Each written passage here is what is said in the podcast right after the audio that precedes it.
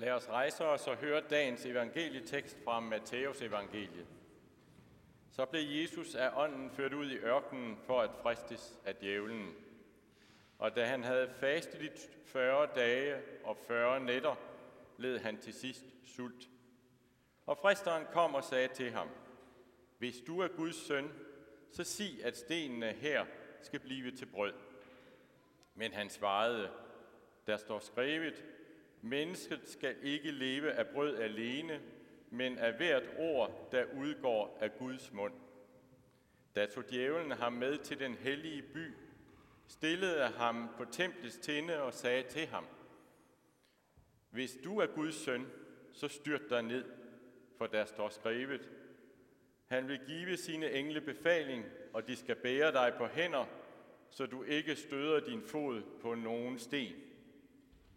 Jesus sagde til ham, der står også skrevet, du må ikke udæske Herren din Gud. Igen tog djævlen ham med sig, denne gang til et meget højt bjerg, og viste ham alle verdens rigere og deres herlighed, og sagde til ham, Alt dette vil jeg give dig, hvis du vil kaste dig ned og tilbede mig. Da svarede Jesus ham, Vi bort, satan, for der står skrevet, du skal tilbede Herren din Gud og tjene ham alene. Da forlod djævelen ham, og se, der kom engle og sørgede for ham. Amen. Og vi vil blive stående og bekende vores kristne tro. Vi forsager djævlen og alle hans gerninger og alt hans væsen. Vi tror på Gud Fader, den almægtige, himlens og jordens skaber. Vi tror på Jesus Kristus, hans enborne søn, vor Herre, som er undfanget ved Helligånden, født af Jomfru Maria, pint under Pontius Pilatus, korsfæstet, død og begravet, nedfart til dødsriget, på tredje dag opstanden fra de døde, opfart til himmels, siddende ved Gud Faders, den almægtiges højre hånd, hvorfra han skal komme at dømme levende og døde. Vi tror på Helligånden, den hellige almindelige kirke, de hellige samfund, søndernes forladelse, kødets opstandelse og det evige liv. Amen.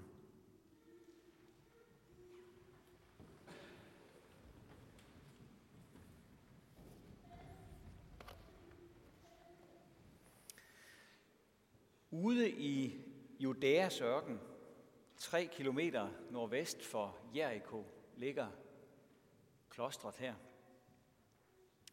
Bjerget, hvorfra der er udsigt over Jordandalen, kaldes for 40-dagesbjerget, eller fristelsens bjerg.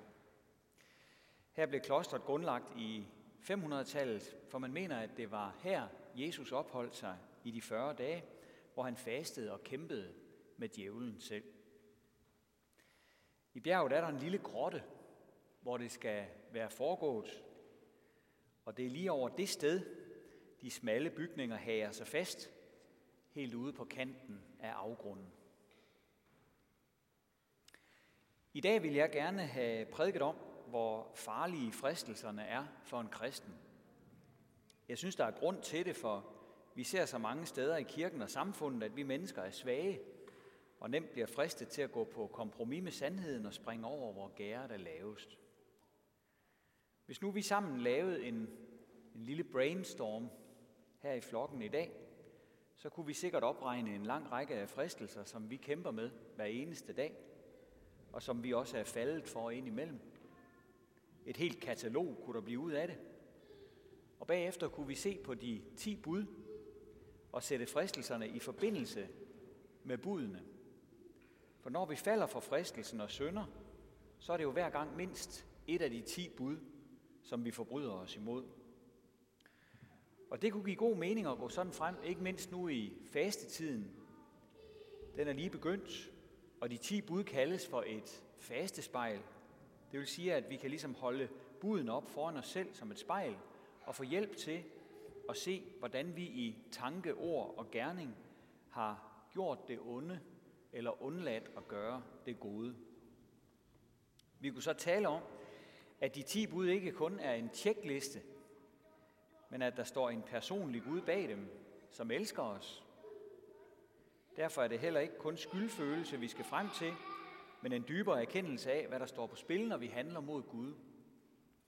Vi skal ikke se en lovsamling eller en tjekliste for os, men vi skal se et ansigt for os, nemlig Guds kærlige ansigt, ham der har skabt os og elsker os. Vores opgave er ikke bare at leve op til et ideal med andre ord, men vi skal vise vores kærlighed til Gud ved at holde hans bud. Elsker I mig, så hold mine bud, siger han. Og når vi falder, så må vi tale med ham om det, som man taler med en kærlig far, som man har forsyndet sig imod, selvom han altid kun har ønsket en det allerbedste. Gud elsker os med en ubetinget og fuldkommen kærlighed.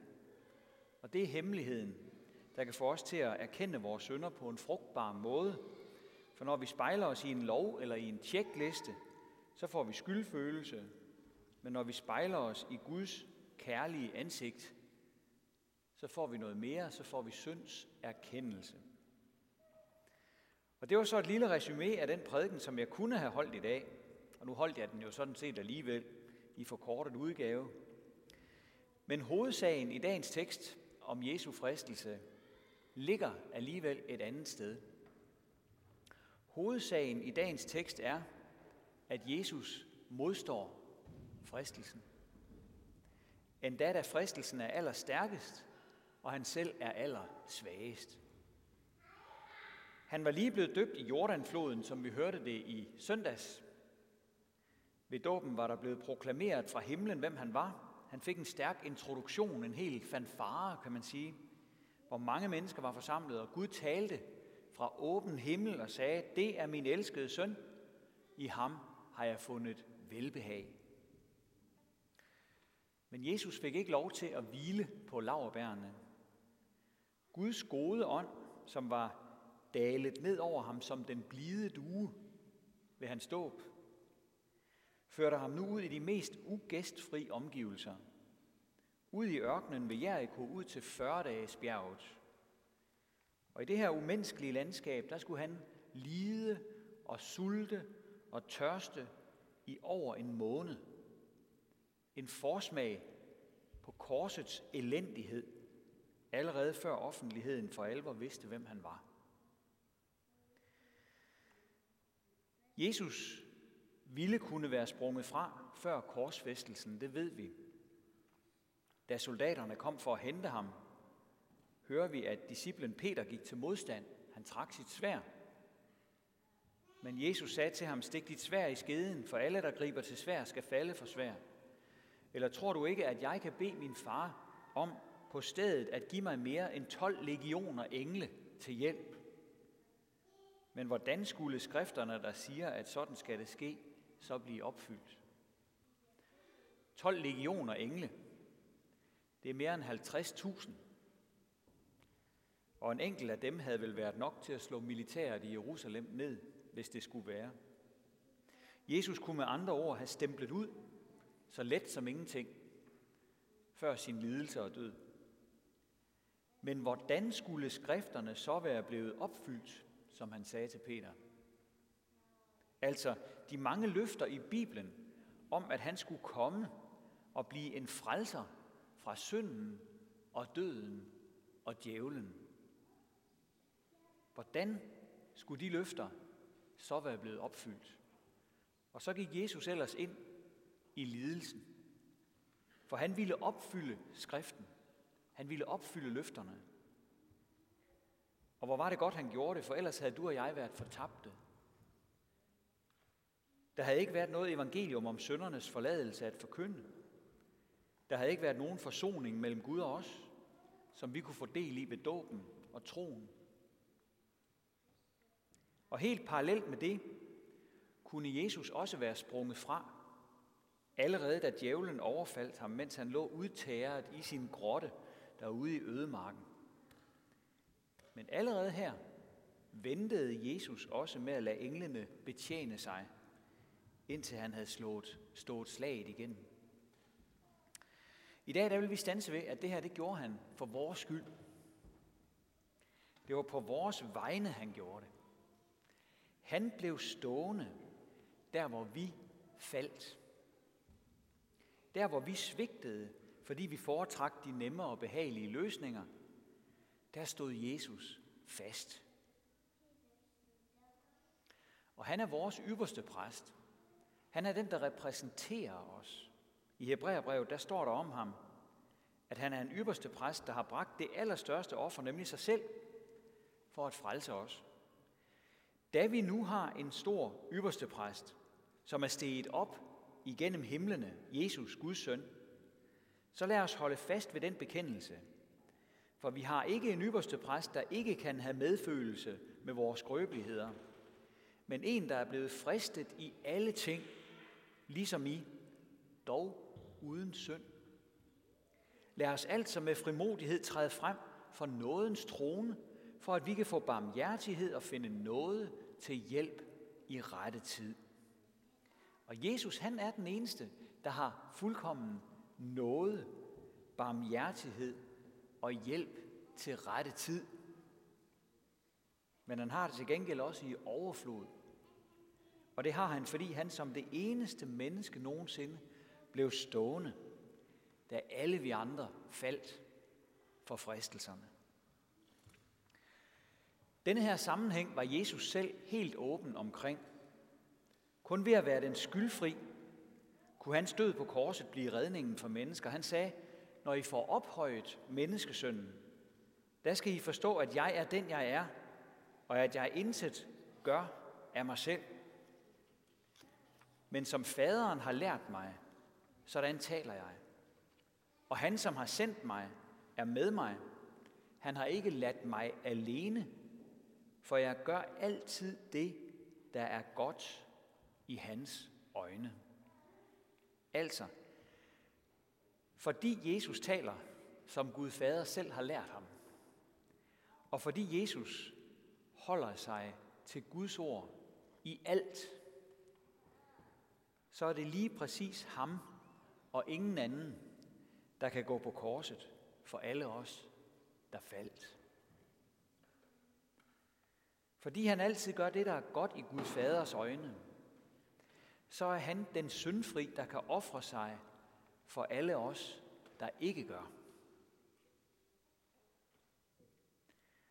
Og det kan vi bygge på, ligesom munkene på 40-dagesbjerget.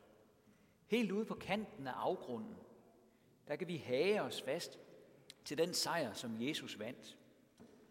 Og selv derude på kanten vil vi bygge med frimodighed, fordi han delte den sejr, han vandt med os. Sejren, da han knuste hovedet på djævlen og betalte for os, der ikke har andet at bygge på. Ja, jeg tror på korsets gåde. Gør det frelser af din nåde. Stå mig bi, når fjenden frister. Ræk mig hånd, når øjet brister. Sig, vi går til paradis. Ære være faderen og sønnen og helligånden, som det var i begyndelsen, så også nu og altid og i al evighed.